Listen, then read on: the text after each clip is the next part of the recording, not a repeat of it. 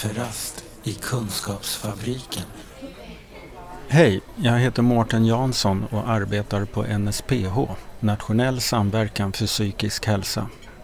Vi är ett nätverk av patient-, brukar och anhörigorganisationer på psykiatriområdet. Den 6 juli 2022 mördades Ingmarie Wieselgren i Visby under Almedalsveckan.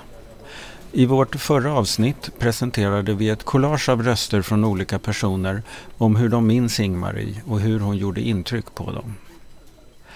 I det här avsnittet ska vi låta samma personer ge sin bild av vad Ingmarie hann vara med och förändra, vad som fortfarande behöver förändras och hur vi måste arbeta om vi ska göra det i Ingmaries anda. Mikael Malm, arbetskamrat till Ingmarie på SKR, Sveriges kommuner och regioner.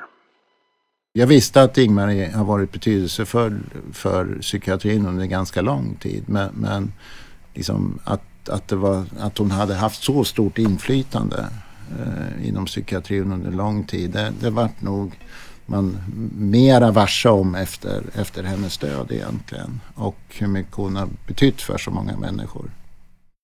Linda Sundell hade Ingmarie som läkare på 90-talet och deltog i det så kallade ungdomsteamet som Ingmarie startade i Uppsala. Om man ska säga något om ungdomsteamet så kan man ju säga att de var lite före sin tid. Mm. Eh, med många eh, av sina insatser, eller vad man ska säga. Och deras sätt att arbeta med ungdomar. Eh, de arbetar ju väldigt personcentrerat och, och så och redan på 90-talet. Innan och, ordet fanns. Och, och nu, nu, ska man börja arbeta mm. Eh, mer personcentrerat, vilket de har gjort i, i 25 år. Så. Lovisa Wieselgren, svärdotter till Ingmarie. Inkludera och bjuda in till att samtala med eh, människor som är drabbade. Vad, vad behöver ni? Um, och från egna erfarenheter så är det någonting jag hade behövt i ung ålder. Och bli frågad, vad behöver du för att du ska må bättre eller för att eh, du ska kunna klara dig igenom det här? Beatrice Torssell, också före detta patient till Ingmarie. Att, eh, att patienten skulle komma till tal och kunna hjälpa till att värdera den hjälp de får. Det hade, den frågan drev jag i projektet med psykosvård, att man att man, det vet jag, psykoser och just patientregistret, att man ska kunna liksom komma med eh, vad man tycker om den vård man har fått och så, om, man kan, om det kan bli bättre och sådär. Ulla-Karin Nyberg, psykiater, forskare och radioröst. Det är ju det det handlar om. Hur ser jag på mig själv?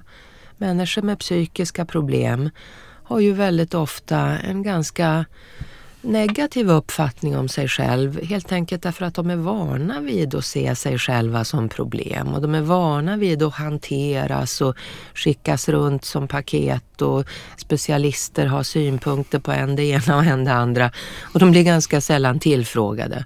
Vad tycker du? Hur tycker du att vi ska gå vidare? Vilka är dina styrkor? Har du något råd till mig nu? Så det perspektivet tycker jag också att Ingmarie stod för i och med att hon involverade eh, hög som låg om man får uttrycka mm. sig så. Jag tycker att det som är viktigt är ju det här man, som man ska aldrig förlora hoppet och det finns hopp för alla. Ja, det är väl det allra viktigaste tycker jag liksom. Och det kan man väl säga att du är ett tydligt bevis på. Ja, jo, jo, jo det är jag ju mm. nog. Det tror jag. Ja. Anders Prins arbetade med Ingmarie i nationell psykiatrisamordning, eller Miltonutredningen som den också kallades. När vi spelar in podd för NSPH så eh, är det viktigt att lyfta det hon gjorde för eh, brukarrörelsens eh, samling när, eh, i samband med nationell psykiatrisamordning så samlade hon en brukarrörelse som då var ganska splittrad och hade ganska stora ideologiska skillnader. Eh, och skapade förutsättningar för att man tillsammans tog fram det här Så vill vi ha det.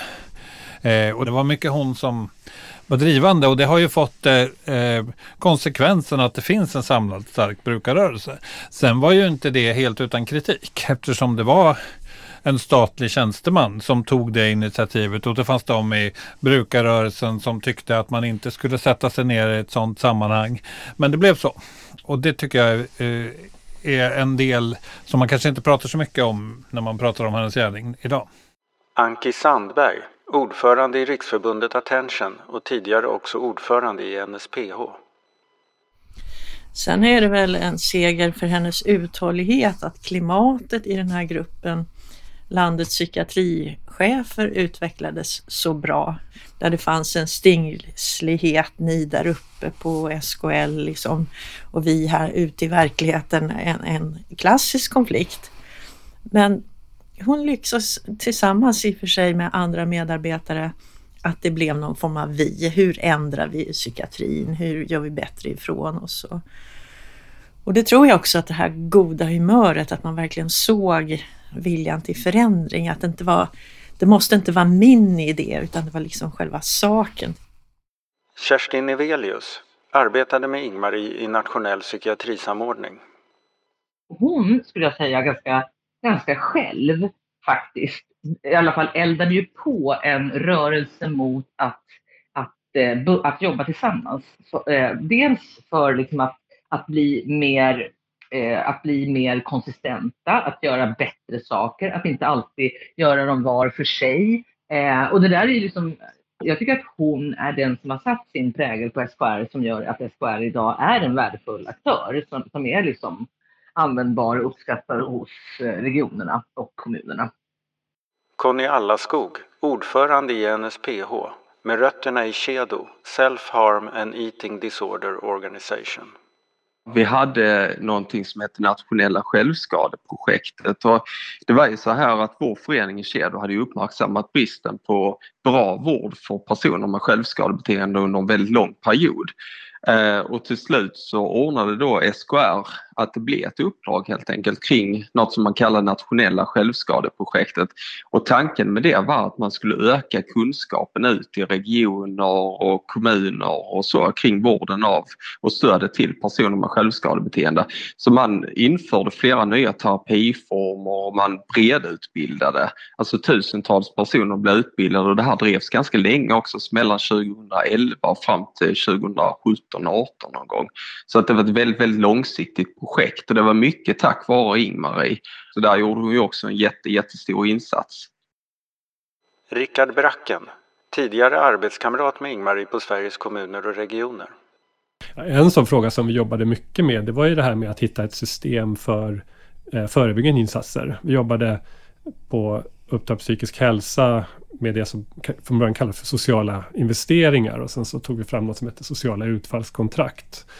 Och att få det där och idén bakom det är ju egentligen att man kan som en offentlig aktör göra en, en investering och sen kan man när man ser effekterna kan man få tillbaka en del av den investeringen så att man man, eller man, man gör det väldigt billigt att gå in i något och sen så lyckas man med det så får man tillbaka en del av resurserna.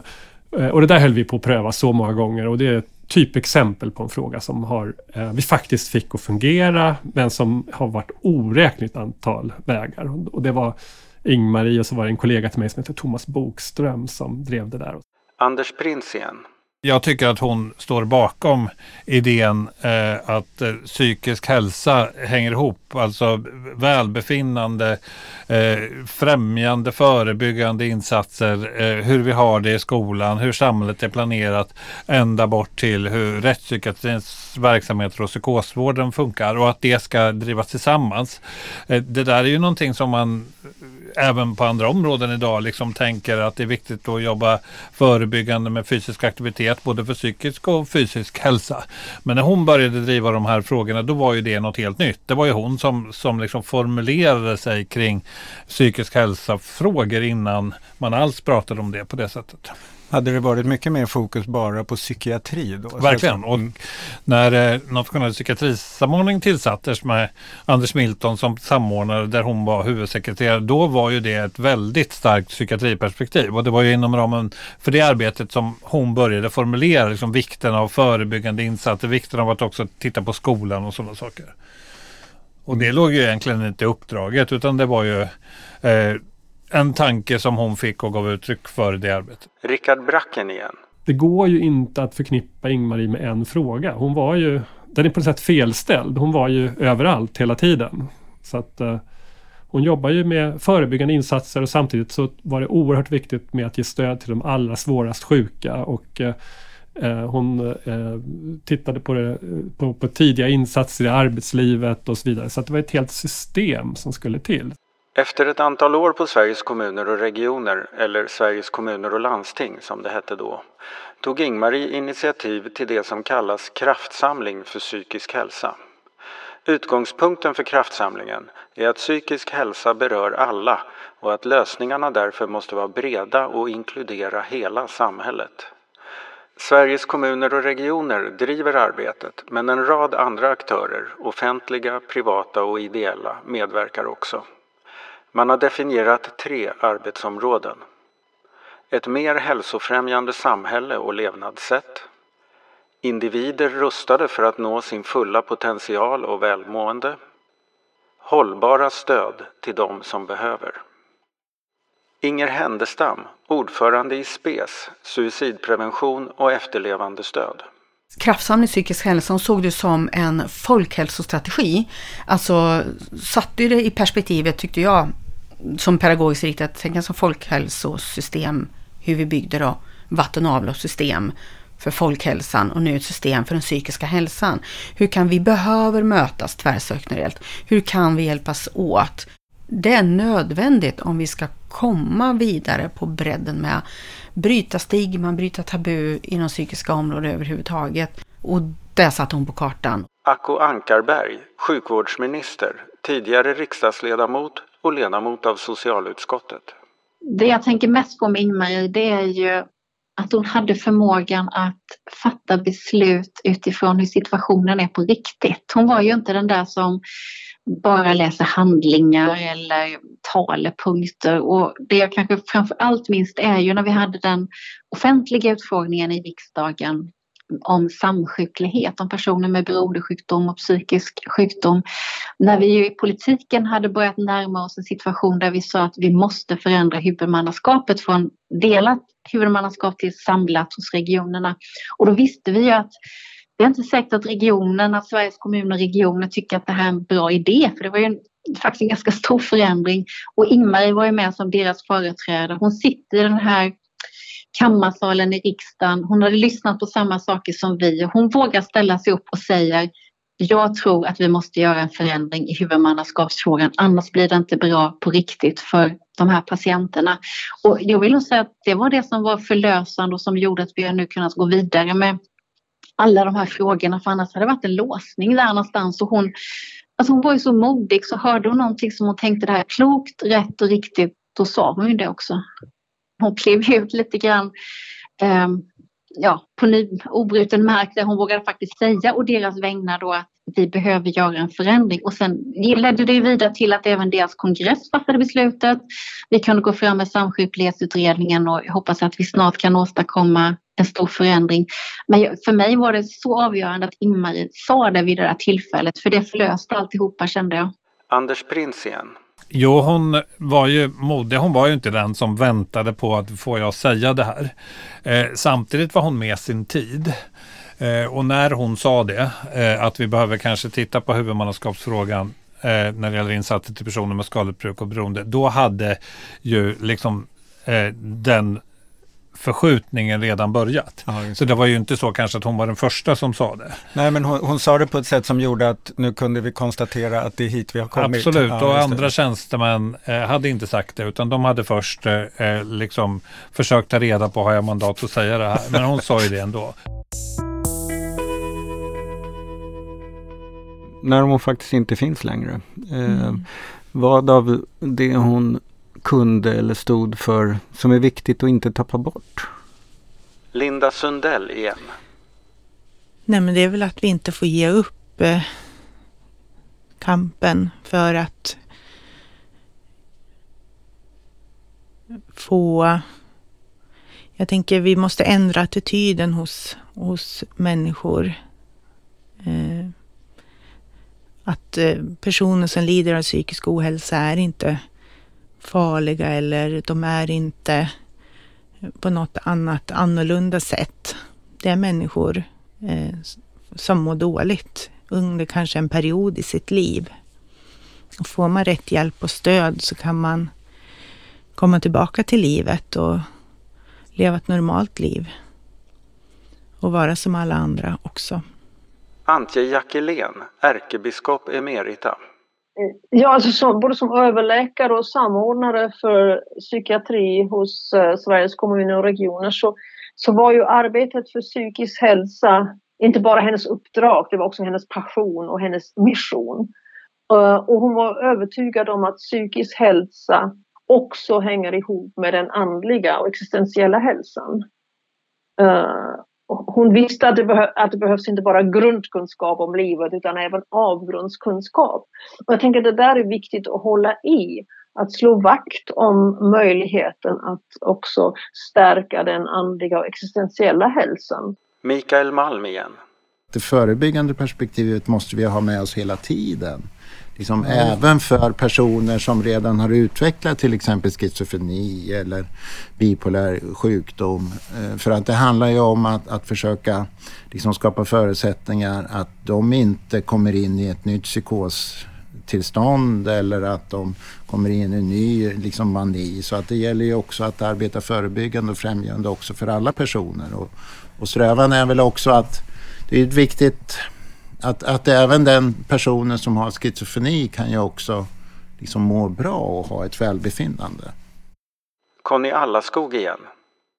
Sen tror jag också någonting jag tyckte hon ofta var inne på är just det här att vi, vi har ofta svaren. Vi kanske inte behöver en ny utredning men vi måste sätta igång med arbetet. Alltså vi behöver, vi behöver göra det och just det här att det, det kanske är jobbigt att göra. Det är kanske liksom jobbigt men, men, men det går att göra det. Ja, det är en sak att inte ge upp men det är lika viktigt att faktiskt sätta igång. Ja, verkligen. Ulla-Karin Nyberg igen. Och sen var det ju det här med hur hon samarbetade, hur hon knöt ihop människor ständigt. Hon fick människor att samverka och samarbeta. Där var hon ju oöverträffad. Jag vet ingen med den förmågan faktiskt. Och det kanske hade att göra med att hon fick alla att känna sig viktiga. Hon tyckte verkligen genuint att vi alla hade något att bidra med. Hon gjorde aldrig skillnad på vem det var hon pratade med. Alltså var det brukarrörelsen eller var det regeringen? Alltså det, det var, eh, hon hade verkligen den där, den där förmågan att, att, att kunna möta alla personer. Um, och också egentligen att göra, göra det svåra lätt. Att hon, hon, liksom, hon, hon hade en förmåga att faktiskt få mötet att gå vidare från ett läge där alla bara tycker att allt är svårt och jobbigt till att faktiskt komma igång. Lasse Stjernqvist, barndomsvän och politiker såväl lokalt som nationellt. Och det där var ju också så fascinerande, alltså hur hon, hur hon liksom kunde få ihop eh, någon minister där, med någon organisation där, med någon generaldirektör där och med, med någon patient där. Och sen så händer det saker. Anki Sandberg igen. Och eh, jag kommer ihåg hur glad hon var 2009. Jag tittade tillbaks lite inför det här samtalet. När vi hade en presskonferens på SKL om att man skulle korta vårdgarantins väntetider för barn och unga. Barn och unga skulle inte behöva vänta så här länge på barnpsykiatrin utan det skulle vara 30 dagar istället för 90 2009. Nu, nu blir det slut på de här långa köerna till barnpsykiatrin. Och eh, jag, tror att, att det också var en viss sorg med tiden att att vissa saker är så svåra att ändra ändå. Liksom hur mycket vilja man än har och modellområden och satsningar och sånt där. Så liksom att, att verkligen förändra är tidskrävande. Mikael Malm igen.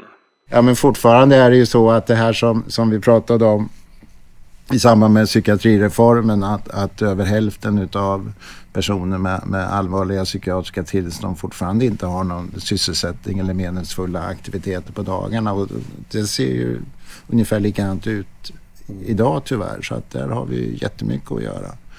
Tycker jag. Och fortfarande så, så är det ju så att, att eh, eh, personer med, med svåra psykiatriska tillstånd är ju inte den målgruppen som liksom står längst fram på barrikaderna och, och liksom pratar för sin sak så att säga. Så att det, de behöver ju också liksom röster som kan hjälpa mm. också till att, att föra fram deras behov.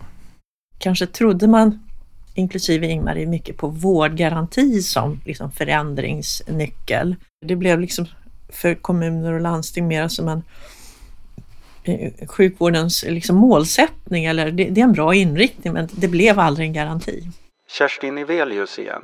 Nej, men jag, jag, jag tar en Ingmarie-ansats här och säger att allt behöver förändras. Det betyder inte att allt är dåligt, men allt, allt måste nästan alltid förändras därför att eh, omvärlden förändras, villkoren förändras och det finns saker som verkligen behöver förbättras. Alltså vi sitter ju fortfarande med enorma köer. Och det där är ju ganska mång, mångfacetterat tror jag, därför att det handlar delvis om sökmönster och det handlar delvis om reell sök, ökad ohälsa och det handlar om kompetensförsörjning, en massa mm. tusen olika saker. Men, men så länge vi har det så är vi ju inte framme. Och för att komma fram i den delen så, så är ju precis det som, som Ingmar alltid sa, att vi måste jobba förebyggande främjande vi, alltså vi måste jobba med, med vården, vi måste jobba med eh, inkludera, alltså massa tusentals olika saker. Det, inte, det finns in, in, inget ett svar på någonting, utan allting är komplext. Mm. Det är väl kanske något som lite, lite grann oroar mig, att, att vi inte har förmågan eller orken att, att hålla fast vid den här komplicerade analysen och komplicerade arbetssättet utan att vi kommer att försöka börja ta genvägar och, och säga att men mer pengar till, till barn och ungdomspsykiatrin så kommer allt att ordna sig. För det är det där att, att liksom inte luta sig tillbaka och säga att det finns en lösning. För det gör det inte. Nej. Men då är det också för att våga ha den där lite större analysen eller bredare eh, omfamningen av utmaningen så krävs det också mer vision. Eller liksom att man använder visionen på något sätt. Inte bara att man, man tävlar i vem som har piggast åtgärder. Nej, och visionen måste här stamma ur patienter, brukare, närstående mm. erfarenheter. Anki Sandberg igen. Eh, även om man inte kan komma till en specialist hur nära i tiden som helst, att man ändå får en kontakt och bjuds in till någon form av kommunikation. Att man, eh, för det, det är farligt också att lämna folk i långa köer med eh, en allvarlig psykiatrisk problematik. Liksom. Man känner sig övergiven och problemen blir värre och värre. Och pratar vi barn och unga så är det ju också så att en månad eller två eller ett halvår, det är väldigt länge i ett barns liv.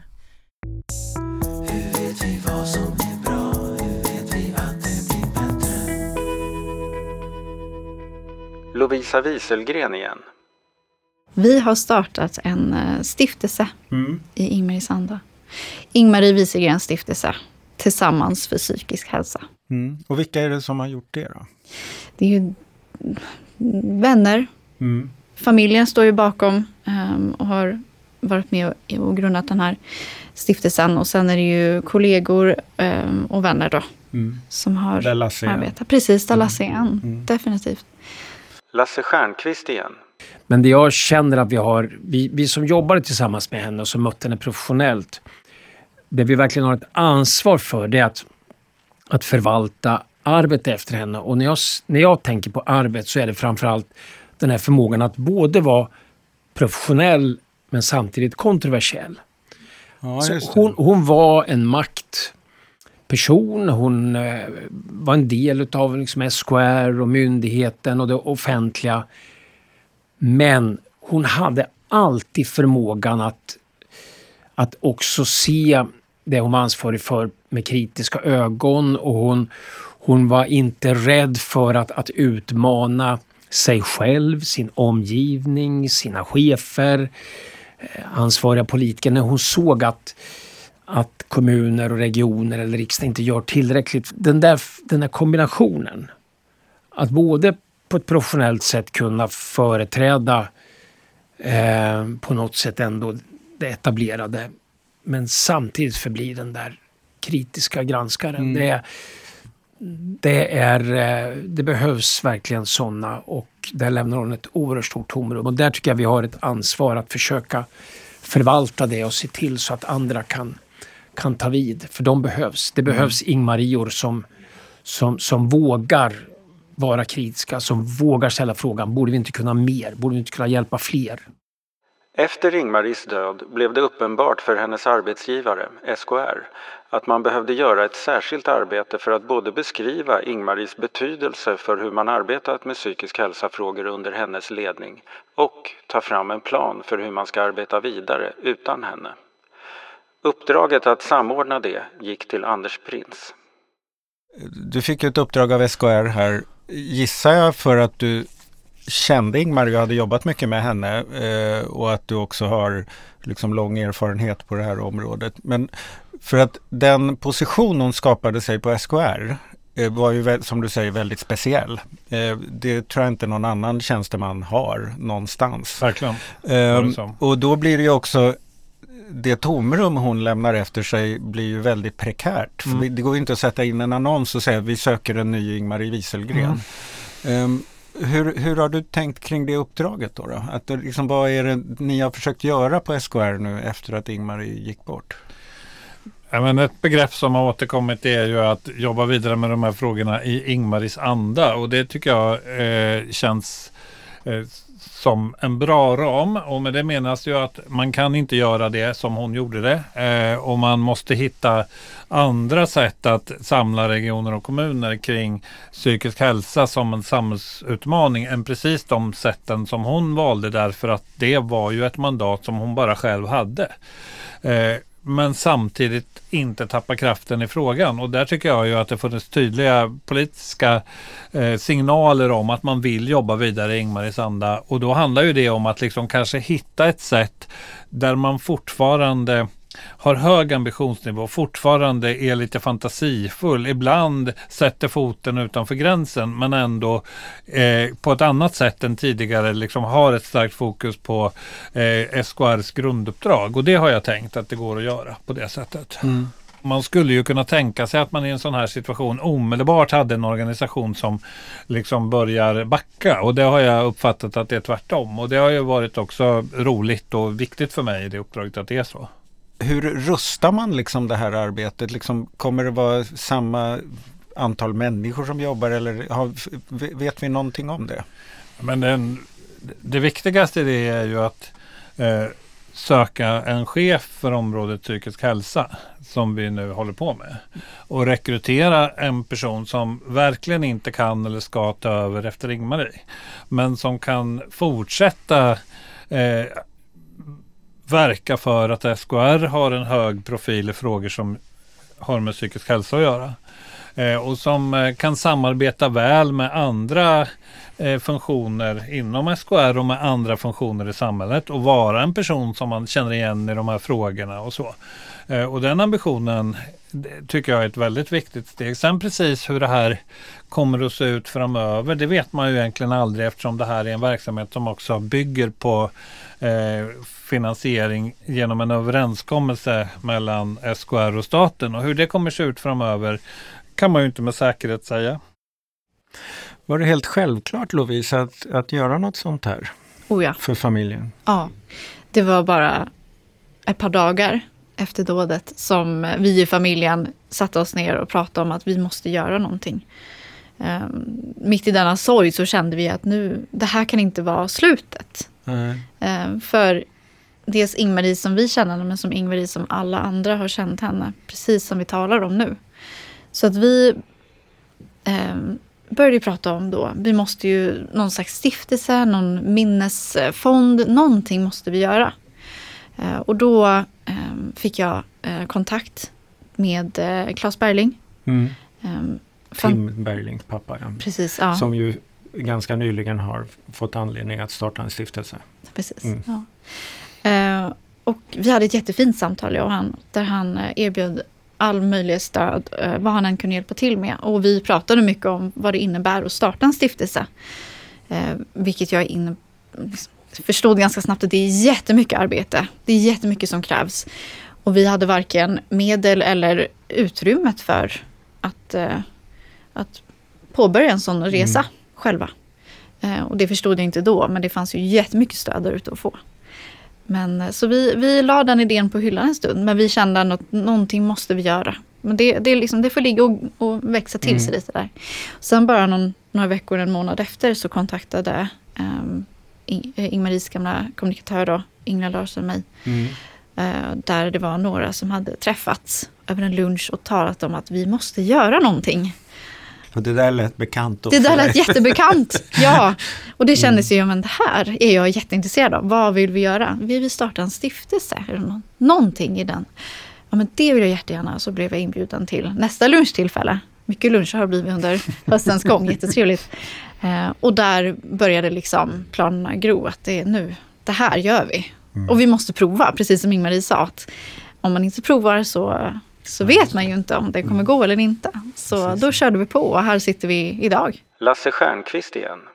Och jag har varit politiker länge och man har upplevt hat och hot. Men, men det här var ju första gången som, som det verkligen liksom kröp under skinnet. Mm. På ett sätt som det aldrig gjort tidigare. Jag har aldrig upplevt någonting som varit i närheten av det.